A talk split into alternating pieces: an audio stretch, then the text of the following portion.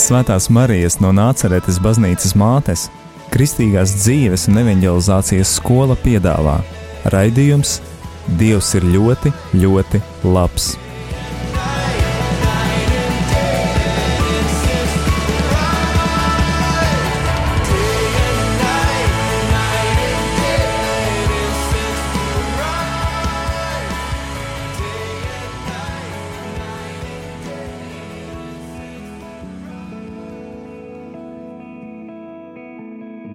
Dārgie radio Marija klausītāji! Ir pirmdienas vakars un skan raidījums Dievs ir ļoti, ļoti labs.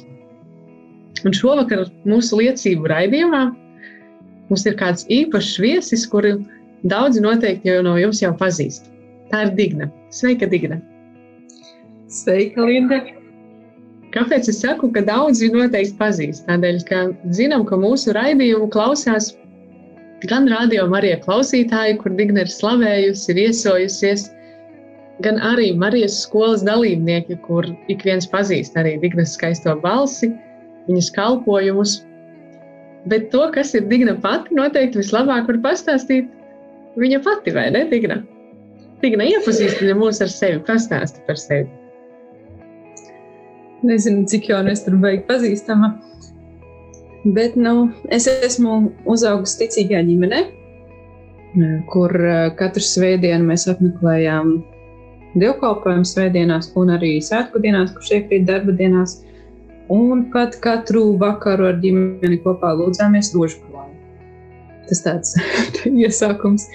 Bet kā jau pusaudzim, cik jau nu, kādos atsevišķos brīžos, protams, es ticēju Dievam un arī varbūt kādreiz pati lūdzos, tomēr tas uh, braukšana uz baznīcu un rožkrājas diezgan bieži bija drīzāk kā tāds obligāts uzdevums, ne, nekā baigi mana vēlme pašai to darīt. Bet, piemēram, skolā, kuras mācījos, man nebija daudz draugu, jo es biju tāda kā pelēkā pele, un līdz ar to baznīcā arī man tieši nu, nostrādāja arī tas sociālais efekts, jo man Baznīcā tieši bija draudzē visvairāk eh, draugu un visādi kopīgi notikumi, nometnes, svētceļojumi un viss kaut kas. Un tāpēc man tomēr patika doties uz baznīcu, jo tur es satiku savus draugus. Un eh, tad pirmais pavērsiena punkts bija tad, kad es sāku studēt eh, Jelgavā. Respektīvi, es pati nedzīvoju Jelgavā, un tas bija pirmais pavērsiens manā dzīvē, kad 19 19 gados, kad pirmo reizi es dzīvoju ne kopā ar saviem vecākiem, respektīvi dzīvoju Kojās dienas viesnīcā. Un tur nebija arī tajā pilsētā tie draugi, kas bija parasti tajā draudzē, kur es biju. Nebija arī vecāki, kuri seko līdzi, vai es eju uz baznīcu, vai ne uz baznīcu. Un, man liekas, bija viena no pirmajām svētdienām. Es sēdēju kā ko jās viena pati, reāli manī radās tāds jautājums, vai iet uz baznīcu vai neiet uz baznīcu. Šobrīd tā ir mana brīva izvēle. Tā kā, tā kā neko tur nesatikšu, ne vecāki ne nepārbaudīs, bet es varētu teikt, ka tas bija viens no pirmajiem pavērsieniem punktiem, līdzīgi kā daudziem citiem. Ar Jēzus pieņemšanas lūkšanā, kad es tomēr izvēlējos, jā, es iešu, es gribu, un ne tikai tāpēc, ka tur kādu satikšu, bet tomēr man ir svarīgi Dievs, baznīcu un piedzīvot kaut ko vairāk. Un, uh, tad tas bija tāds pirmais pavērsienu punkts. Un iepriekš jau es minēju, ka es biju piedalījusies visādās uh, nometnēs un pasākumos, un uh, tur tajā skaitā arī bija iepazinis jau cilvēkus, arī no Jelgavas tomēr.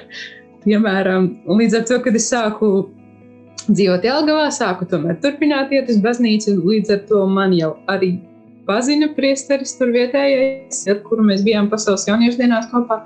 Un viņš teica, ka uh, ir nomainījusies studentu paudze, tie, kas pirms tam studēja un uh, kalpoja, un mums vajag jaunas asinis. Un uh, uzrunāja mani, vai es varētu vadīt uh, studentu lūkšanu grupu. Tas bija patiesībā mans pirmais kalpojums, jo līdz šim es vairāk biju dalībnieks visādās nometnēs, vai arī man draudzene bieži vien man iesaistīja kaut kādās teātros, pulciņos vai vēl kaut kur. Vai braukāja līdzi, bet tas nebija tā kā man, tiešā veidā mans kalpojums. Bet, uh, līdz ar to Jelgava bija mans pirmais pavērsiena punkts arī sākt kalpot Dievam. Tātad pirmais bija studentu lūkšanu grupiņa.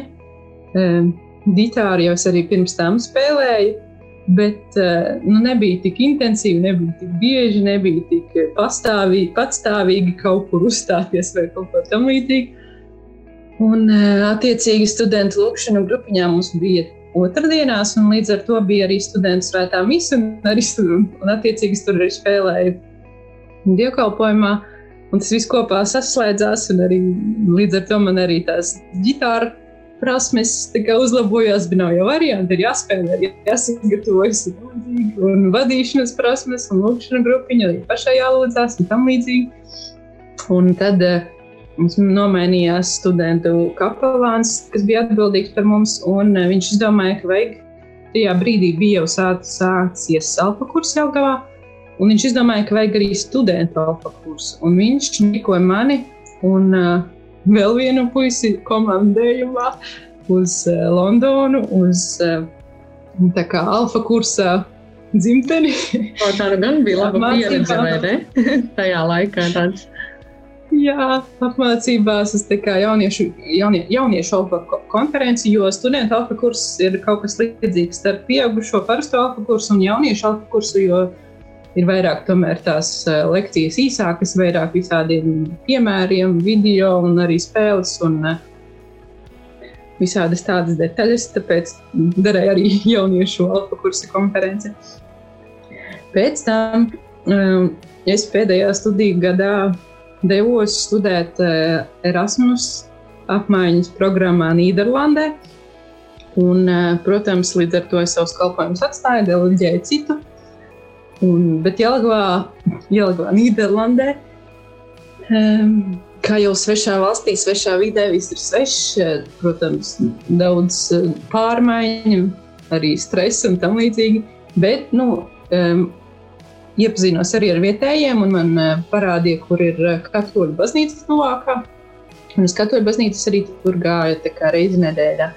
Bet eh, šajā gadā, kad es biju Nīderlandē, respektīvi, man nu, nebija nekādu citu pasākumu, tur rekolekcijas, nometnes vai svētceļojumi, jebkas tam līdzīgs. Bija tikai ikdienišķā, tikai ne ikdienišķā, bet X svētdienas dievkalpojums, kur mēs kopā gājām vēl ar, ar kursa biedriem no Francijas, Slovākijas un Polijas. Un eh, tad, kad es beidzu studēt, eh, un es atgriezos Latvijā, tajā pirmajā, jo tas bija vesels gads, tajā pirmajā vasarā es biju tik izslāpus, ka man liekas, devos uz visām nometnēm pēc kārtas.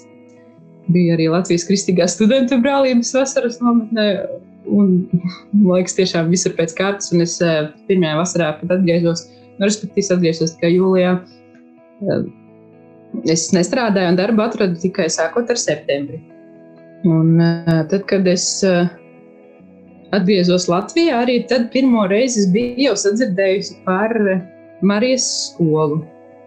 Bet man bija tādas kā nezinu, stereotipi, ka tur ļoti daudz ir kaut kas angļu, ne, krievu valodā. Un man to brīdi krievu valoda nebija diezgan spoži. Nu, pamatskolā bija mācījusies trīs gadus. Tas man tā kā atturējis tur sākt uh, iet uh, Marijas skolā. Bet uh, to, to, toreiz es tomēr kaut kā nobriedu, nu, nu varbūt jāpamēģina. Un es uh, kā, sāku arī apmeklēt Marijas skolas, un es sāku strādāt. Un es vēl pirms tam aizmirsu, tad, kad es studēju Jelgavā, tad savukārt tas priesteris man sapazīstināja vēl ar uh, Vidzemes katoļu jauniešu centru kuri organizē vēl arī Pasaules jauniešu dienas, Latvijas jauniešu dienas, līderu seminārs un tādas lietas. Protams, Nīderlandē, kad bija arī tur neko nekalpoja. Bet nu, tā tad es atgriezos Latvijā. Man bija darbs, man bija Marijas skola, kurā es vienkārši mācījos, un man bija vidzemes katoļu jauniešu centrs. Bet es eh, kaut kā darbā piedzīvoju tādu kā lūzumu punktu, jo tas bija tik stresains darbs, tas, ko es atradu. Pirmais man bija poligrāfijas uzņēmumā mazā. Un, uh, tā kā jau privātajā sektorā, komerces sektorā visiem visu vajag vakar, ne, tā kā tev, tev to pasaka šodien, visiem patiesībā tam bija jābūt paveiktam jau vakardien. Un uh, priekšnieki ir divi, vīrs un sieva, un tad esi menedžeris starp uh, priekšnieku, starp konstruktoru, starp ražotnī un vēl kaut ko. Tas ļoti mani noveda līdz tādam stāvoklim, kad es vienkārši fiziski sabruku, es nebiju spējīga domāt, reaģēt. Un, uh, es tā kā aizgāju no šī darba. Bet patiesībā jau pirms pienāca tas lūzuma punkts, es jau biju apsvērs iespēju, ka tomēr iešu prom. Bet, nu, nu jo pirmkārt tur saka, ka aploksņa alga un vēl kaut kas, un tad likās, vai tiešām tas ir labi un vai Dievs to grib. Bet nu, es domāju, sākumā kā, loģiski, prātīgi, kā, nu, okay, izturēšu līdz vasarai. E, tad aiziešu no darba, tad man būs bezdarbnieku pabalsts, tad es aizbraukšu uz uh, pasaules jauniešu dienām. Tā kā man pietiks finanses, un tad, tad būtu tā prātīgi. Bet lūzuma punkts noveda līdz tam, ka es to izdarīju daudz ātrāk, respektīvi jau pavasarī. Un, eh, tajā brīdī arī, man liekas, kā Dievs, eh, es arī jau pazinu tādus labus cilvēkus. un eh, patiesībā jau tajā brīdī es sāku būt tāds kā misionārs Un es arī tajā Marijas skolā biju uzzinājusi par uh, misionāru skolu. Uh, pirmo reizi, kad vispār dzīvē saskāros ar kaut ko tādu kā misionāru skolu, es atceros uh, Inga Svētiņa, ar kuras biju arī vienās pasaules jauniešu dienas kopā, liecināja, kā tas ir. Tad man likās, nu es taču tā nevarētu, kādu tikai no praktiskiem apstākļiem vai vēl kaut ko. Un tad savukārt vēl kaut kur biju Vācijā uz Altatingā, uz tur, kur ir Emanuela kopienas, arī misionāra skola. Bet, tur, kā jau Rietumē, Eiropā, viss ir diezgan eh, dārgi. Nu, tā tāpat jāmaksā, tā kā tur mācies un dzīvo. Un uh, es likam mētājos par to laika joslu. Un tad, kad es kalpoju vidzemes katoļu jauniešu centrā, man bieži vien bija tādas sajūtas, nu, ka man pietrūks kaut kādu praktisku zināšanu nu, kā novadīt lūkšanu vakar, nu, kas ir svarīgi tajā brīdī, nu, kā vadīt aizlūkšanu, nu, kā, kā tas veidojas, kas ir tas svarīgi. Kā, ja, jauniešu centrā mēs bieži vien visādos garīgos aspektos kā, kalpojām un arī kopā lūdzāmies un uh, svēto garu lūdzām un uh, lūkšanu mēlēs es jau tajā brīdī arī biju ieguvusi. Bet nu, tā kā manī sirdī bija tā, ideja, nu vajag kaut ko papildināt. Tā pirmais ir praktiskās zināšanas. Tad, kad nāca tuvāk tas laiks, tad es savukārt, nu, papildus vēl arī, ka šajā misionāru skolā, kas ir Ukrainā, tas ir viss krievu valodā, un kā jau iepriekš minēju, to krievu valodā bija kā bija. Un, bet es domāju, ka okay, es varētu uzlabot zināšanas, varētu uzlabot krievu valodu. Un tikai tad, kad tā skola nāca jau tuvāk, tad es sajūtos, nu, ka es esmu necienīga, ka es esmu grēcīga, bet kad šī iespēja būtu iespēja dievam mani darīt labāku. Un, uh, Bija daudzi, kas pirms tam jau tā nu, jau apgrozījās tajā Marijas skolā, jautāja, nu, vai tu brauks uz Marijas skolu. Es teicu, nu, nezinu, tā kā nevis Marijas skola, misionāra skola, nu, nezinu, varbūt. Bet manī sirdī jau tajā brīdī bija, nu, jā, tā kā es varētu, bet mazums kaut kas pamainīsies, un kā es tā būšu pateikusi, ka es braukšu, bet patiesībā ne.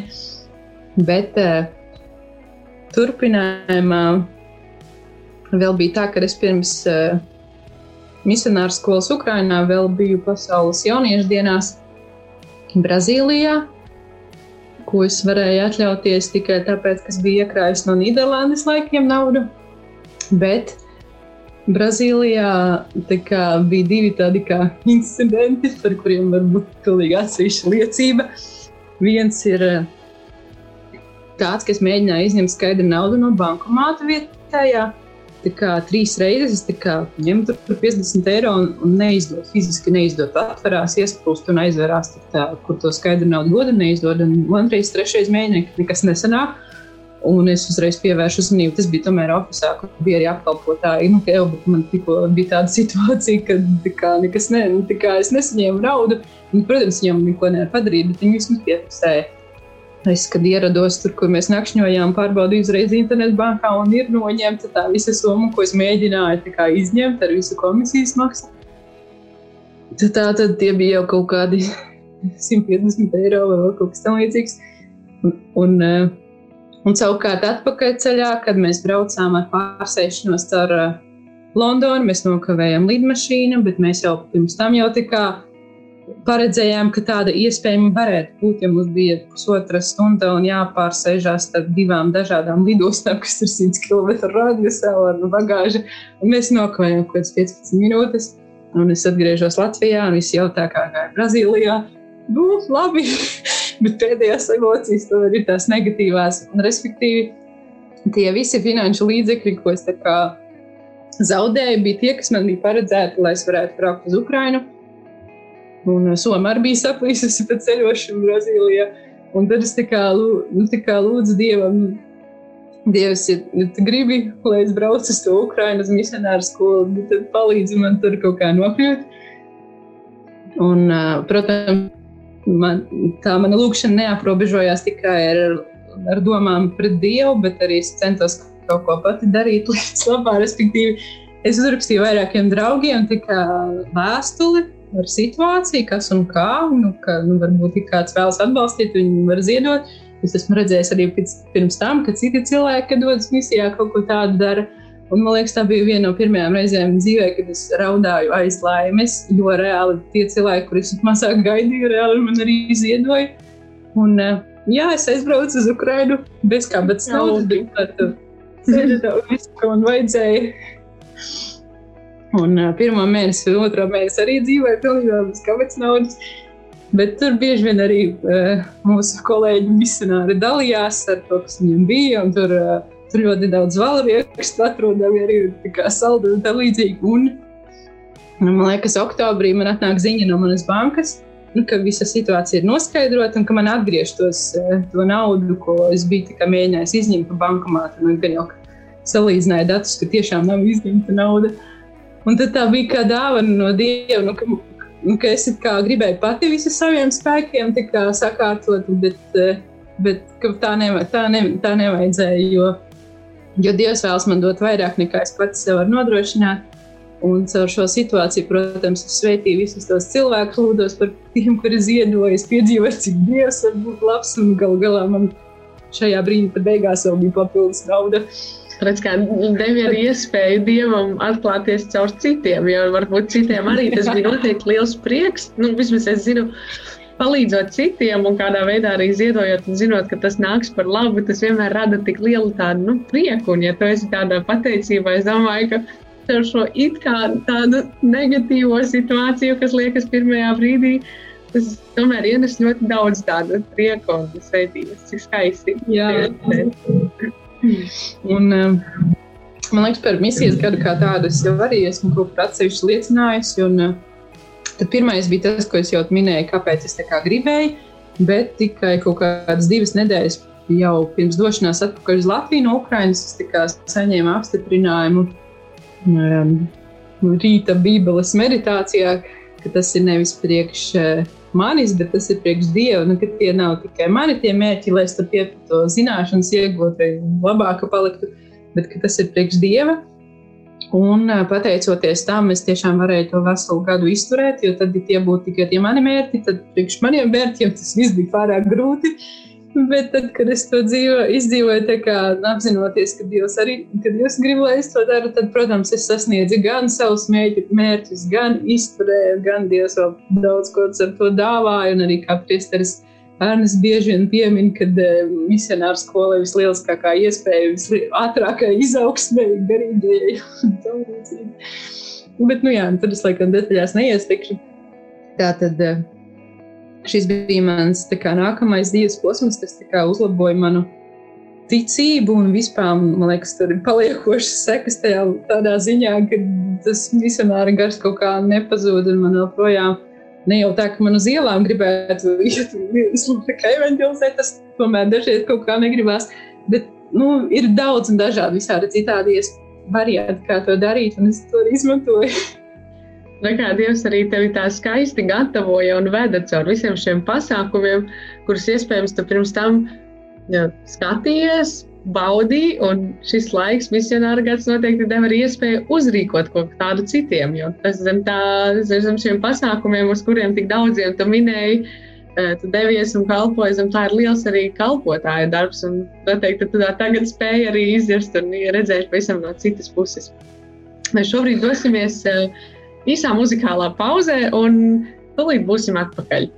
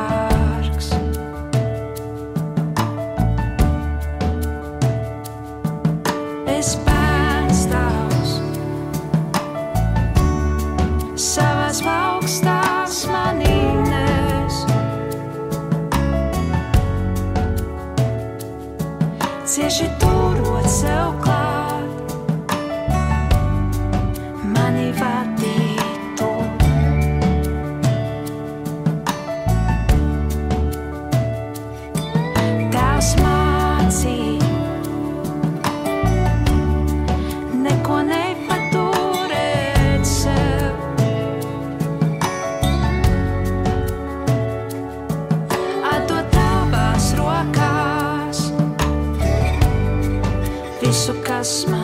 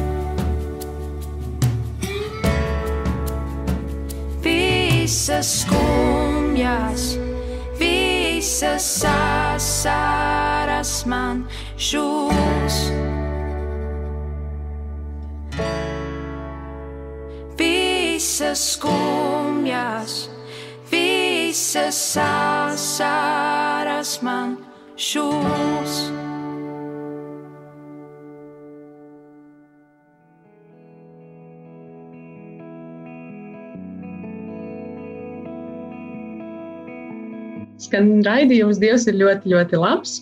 Un šovakar ar jums kopā esmu es Linda, un ar mani kopā ir Digna. Digna. Un Digna pirms tam stāstīja savu tādu uh, pasākumiem bagātu laiku, uh, par savu tādu baznīcā būšanu, par jauniešu dzīvi un par tādu lielu lēmumu, es domāju, un drosmīgu lēmumu doties arī uz misionāru skolu. Uh, Digna, tu arī minēji par to, ka tev bija tās slāpes pēc kaut kā, slāpes pēc šiem pasākumiem. Kas varbūt var pateikt, paliecināt, kas ir tas, ko tu iegūti caur šiem pasākumiem, caur šo varbūt misionāru skolu vai tiem dažādiem pasākumiem, uz kuriem tu devies, jauniešu dienām. Ko tur var dabūt? Nu, respektīvi, patiesībā tur arī diezgan bija tāds turpinājums, jo es joprojām biju diezgan ar mazu pašvērtējumu, un, un man arī, arī pat augstskolas dzīvē studiju tajā kursa biedra lokā. Es neteiktu, ka man bija beiglabās attiecības ar kursa biedriem, jūs arī nebija no tām, kur krūta vai tusētā vai vēl kaut kas. Un, Baznīca un joprojām tie pasākumi bija tā vieta, kur es jūtos pieņemta, kur, kur, mani pieņem tādu, kāda es esmu. Tas, tas man palīdzēja. Un, Droši vien es tā neapzināti, jo tas nebija kā kaut kāds viens konkrēts pavērsiena punkts, ka tas mani tuvināja dievam, jo tas man ar vien vairāk atbrīvoja. Piemēram, tas pats alfa kurs Jelgavā, kad pirmo reizi, pirmo reizi man bija tā kā, tā kā jāvada pasākums cilvēku priekšā, un es atceros, tas man bija tik, tā kā, ko viņi par mani padomās. Es kā, visu laiku salīdzināju ar to gā, saviem skolas gadiem, kad mani parasti Es biju tā, kur viss apsaukāja, apcēlā vēl kaut ko, nu, ko viņi par mani padomās. Un es biju sarakstījis pilnīgi scenāriju, ko es kad teikšu. Un es, es cerēju, ka tas otrais pasākuma vadītājs to visu darīs. Es tā kā, nu, nē, es taču nevaru beigās tomēr kā piespiedu kārdā, tomēr tas man darīja un tā kā vajadzēja darīt, un viss notika. Un tā kā tā bija arī tāda personīgā, nezinu, psiholoģiskā un garīgā izaugsme. Bet uh, man vēl patiesībā diezgan daudz ko stāstīt par uh, tuvākiem notikumiem, jo šis viss ir vēl projām pirms septiņiem gadiem. Un, uh, mans kā, nākošais pavērsienu punkts bija pēc uh, misijas gada, kad es atkal sāku strādāt. Un, uh, es kalpoju darbā, joprojām Vidzemes katoļu jauniešu centrā, kā atgriežoties pēc misijas gada. Uh, Toreiz mēs sākām līderu semināru projektu. Līda ar kaut ko dzirdējis par to? Jā, ir mazliet.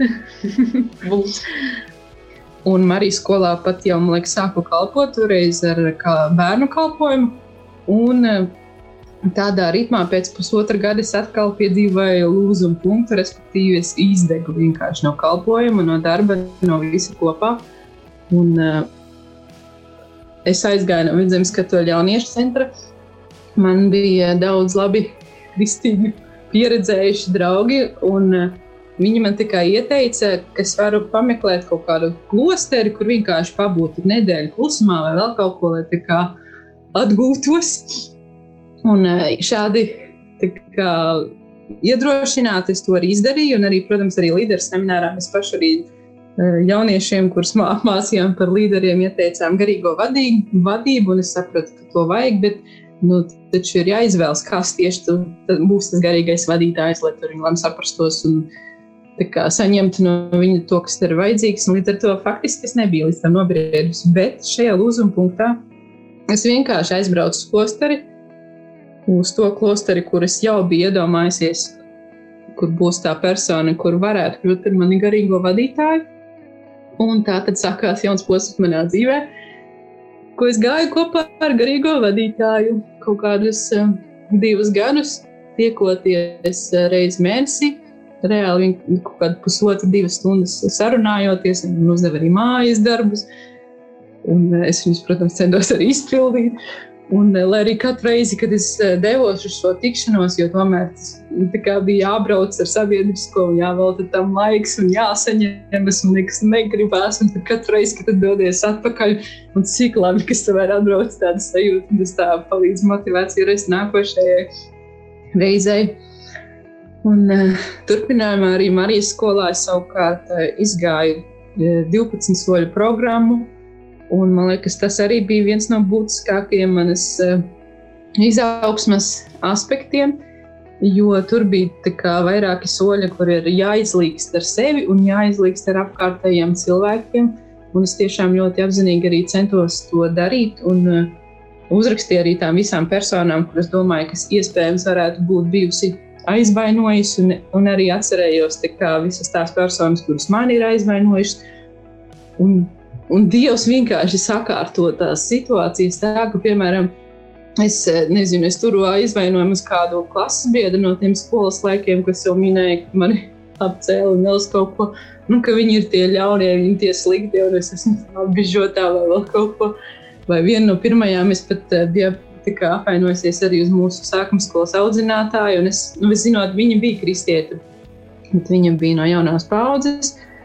Un, nu, es viņai nu, vienkārši uzrakstīju par situāciju kā tādu, kad nu, es esmu nonākusi līdz tam, un es toreiz biju aizvainota, un uh, es šobrīd uh, piedodu un tam līdzīgi. Un tad viņa atkal, es biju pieminējis tajā starpā arī savu vietu, no vēl viens citu klases biedru, kurš mani bija aizvainojis. Un savukārt viņa atsaucās, ka viņa, starp citu, viņa pie viņa bija uz, uh, uz viņš par zobārstu tagad strādā vēl kaut ko. Un atcaucās, ka nē, nu, viņš tagad ir ļoti mainījies un vispār arī nav nemaz tik pret to ticību un visu pārējo. Un uh, kaut kā, nezinu, sakrita tā, ka pat es, uh, nu, manā kaimiņu pusē, es norācu pie viņa pie zobārsta. Un tā kā piespiedu kārtā man arī vajadzēja ar viņu tikties, un es sapratu, nu, ka nē, nu, nu ka ka viņš jau arī kā, to nedarīja apzināti. Viņam arī bija savi ievainojumi, uz kā fona viņš tas sanāca. Viņš, protams, ir katru reizi aizmirsis, un viņš nekad, un šobrīd arī viņš neko sliktu par mani nedomā, vai es vēl kaut ko. Un vēl kaut kādas citas klases biedras arī kaut kur net, netīšām sastapu un sapratu, jā, bet nu, viss ir labi, kā es piedodu, kā, man nav jātur šis rūkums sevī, jo kā, nu, vienkārši jāatlaiž. Un es, es tad es ir kaut ko pastāstīju. Un, uh, tas man ieveda tādā tiešām lielākā brīvībā, gan par tajā, kas notika līdz šim, gan arī skatoties uz priekšu, lai ka kaut kādas situācijas veidojas, kad apzināties, ka kaut kas notiek slikts kā, vai negatīvs, ka tas nevienmēr ir tā, ka kāds. Patiesībā nekad tas pārsvarā nav tā, ka kāds apzināti kādu otru censtos sāpināt. Un tas palīdz uz dzīvi skatīties subjektīvāk, palīdz apstāties, kas notiek kāpēc tā notiek, ko es varu darīt, ko es nevaru darīt. Tā kā paskatīties uz sevi no malas, tad nomierināties, tad palūkties vēl, ja vajadzīgs. Protams, tas neizslēdz pirmās emocijas, bet tas ved lielākā brīvībā arī nedomāt, ko citi padomās. Un piedošanā visu laiku skatīties ar žēlsirdības skatienu uz citiem cilvēkiem, kuriem arī ir pelnījuši žēlsirdību. Un es eh, biju kalpojis arī dzīvības traumēs, un man uzticēja vienu lekciju, kura bija savukārt tieši par atdošanu. Man ļoti sasaistījās kopā ar šo 12 soļu programmu un visu pārējo, un tās liecības vajag atsaukt atmiņā. Un arī ar tēvu bija viens kā, situācija, kad es ļoti ilgi viņam nevarēju piedot. Un es kā bezmazliet viņam pārmetu, es tev nekad nepiedošu, ka tu man tā vai šitā izdarīji. Un, tad, un, un, pat, un, arī, un arī tajā kontekstā vienreiz bija tāda situācija, kad es tiešām reāli aiz durvīm apļāvu tēti, ka es nekad viņam nevarēšu piedot. Un tad kaut kādā citā brīdī viņš, viņš vienkārši arī kā, savā pazemībā pateica, nu, piedod, ka es nemāku savādāk, es tā biju audzināts. Tas man arī lika salūst.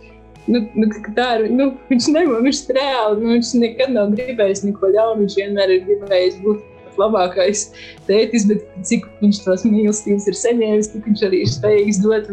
Un šādā visā atmosfērā es, protams, nespēju vairs turēt sevi aizraujojumu, kas, protams, grauž tikai mani un mūsu attiecības, un vienam pa lielam nepalīdz.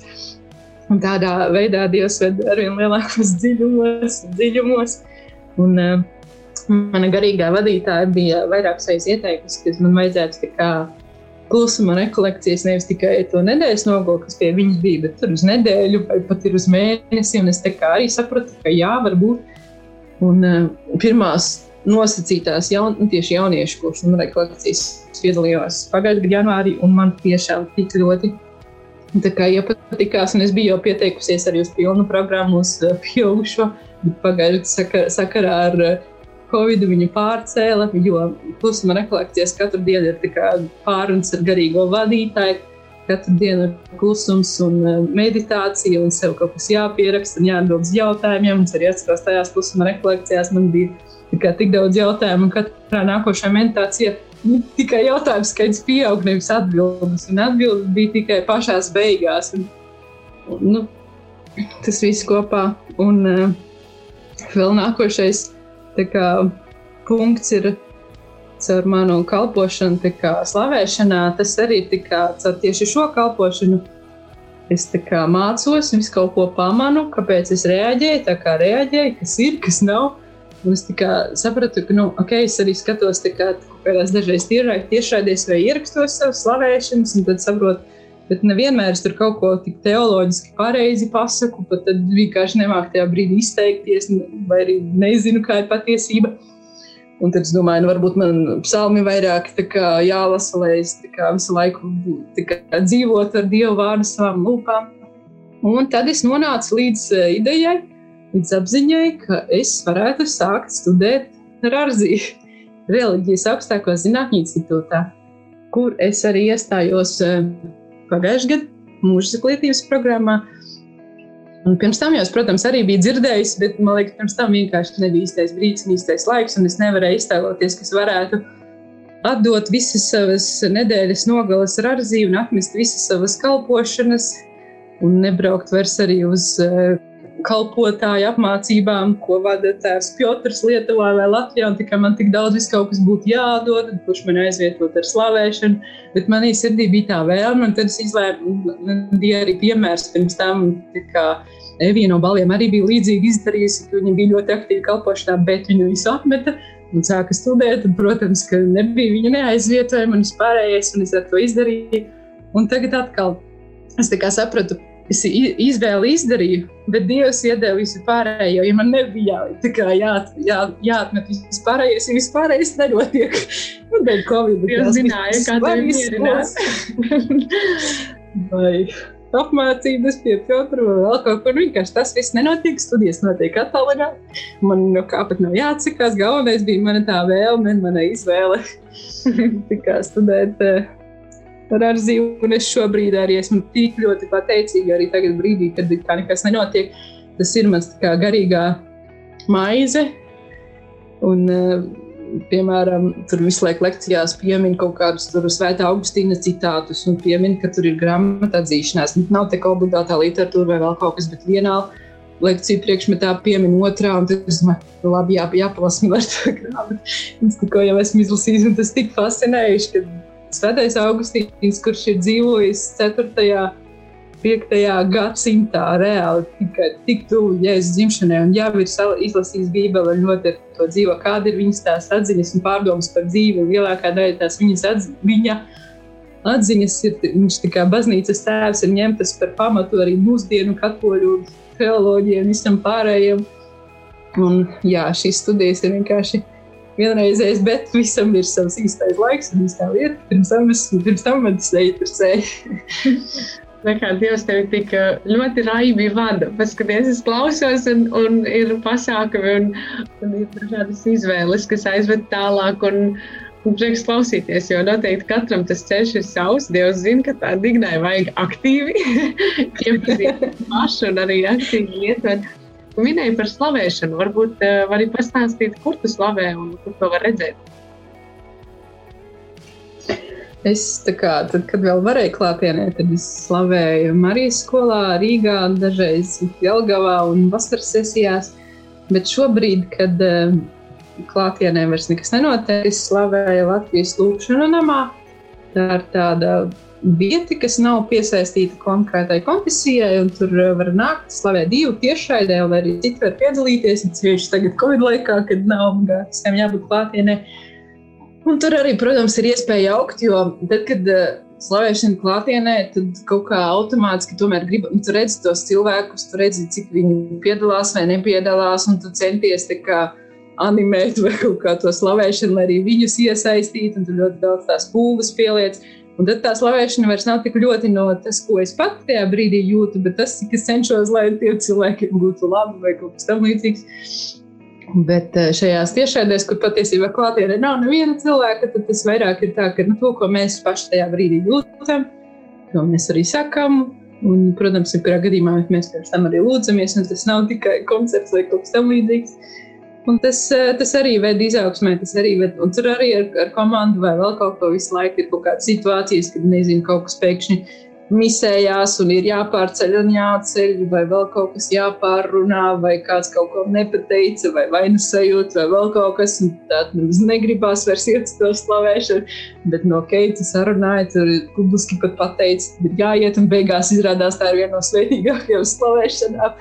Vai arī nezinu, vai tas notrāpīt, pirms tam viss labi, slavēšanas laikā grūti, un tad atkal viss labi, vai kaut kas tamlīdzīgs. Tā kā tajā, tas man, tā mana kalpošana ir, ir tā vide, kuras attīstos arī Jā.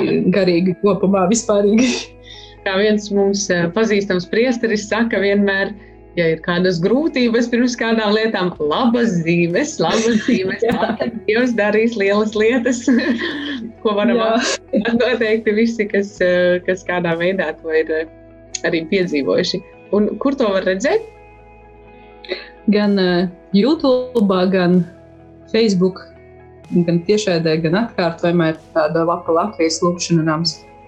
Latvijas lūkšana nams. Lūk, tad mēs visi zināsim, kur mēs varam kādā brīvā brīdī ieslēgt, eh, ja mums ir sirdī, kur vajadzētu slavēt. Bet, nu, vai ka varbūt arī tieši rūtums un gribās kaut kur, eh, kaut kur nolīst, varbūt tas ir tas brīdis, kurā var, var arī ieslēgties kādai skaistai lūkšanai. Es esmu apņēmusies to reizi mēnesī darīt, jo biežāk man arī ir pa, pa grūti un arī tā apņemšanās.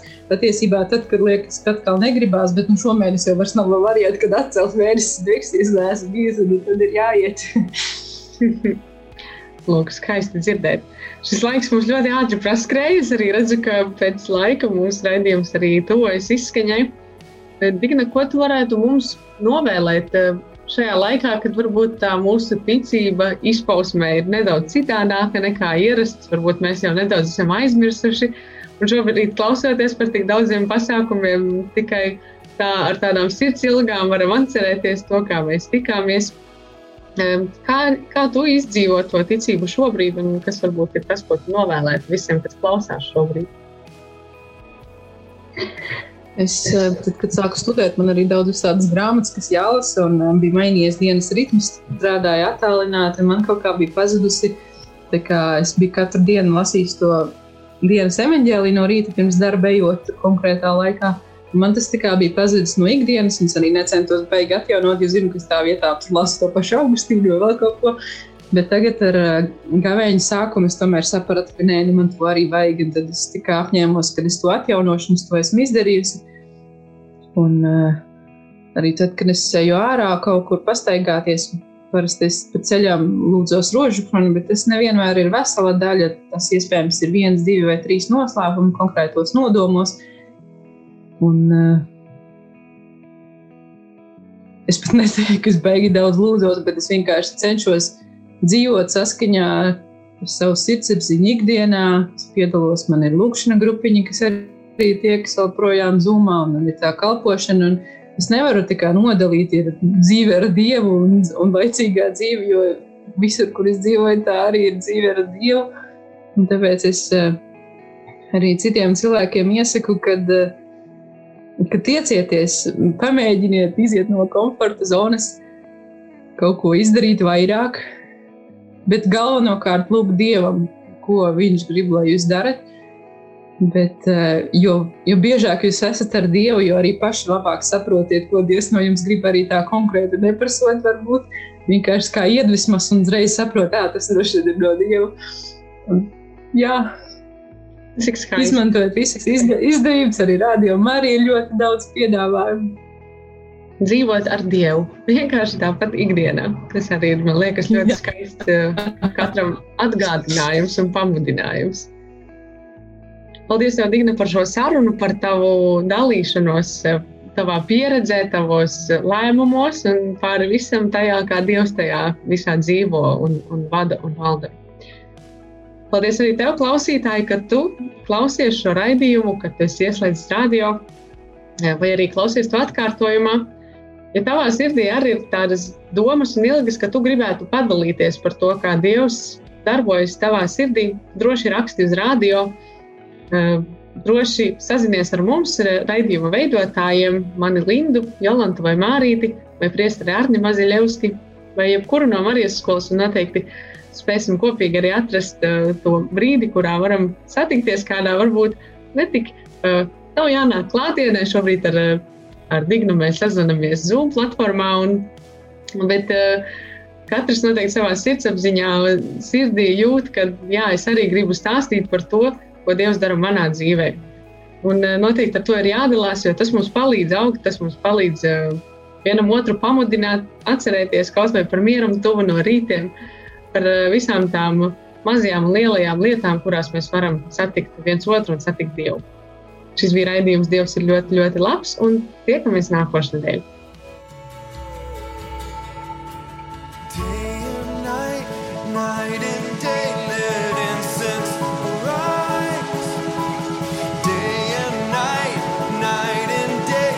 Svētās Marijas no Nāceretes baznīcas mātes, Kristīgās dzīves un evanģelizācijas skola piedāvā Raidījums Dievs ir ļoti, ļoti labs.